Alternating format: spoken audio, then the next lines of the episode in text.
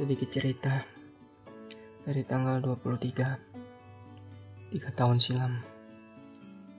Kenangan memang pahit. Kenangan juga memang membuat hati punya rasa sebal kenangan itu membuat kita rapuh mungkin. Tetapi tidak semua itu benar kenangan tiga tahun silam ini membuatku lebih semangat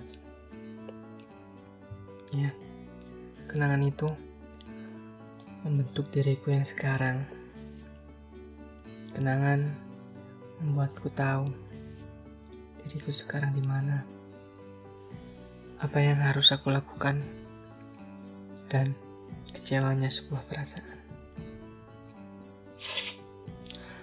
Dalam pena kau menuliskan surat, surat kecil bersih tentang rasa. Tepat tiga tahun silam kau menuliskannya, teruntuk diriku. Sampai waktu itu, aku hilang arah. Terjun pakai air langit, lalu kemudian mendarat dengan rasa sakit. Karena kesilapan ku akan makna. Dan saat aku sadar, aku menyimpannya. Lemari sebelah pojok bawah itu tepatnya. Begitu lusuh dan kotor.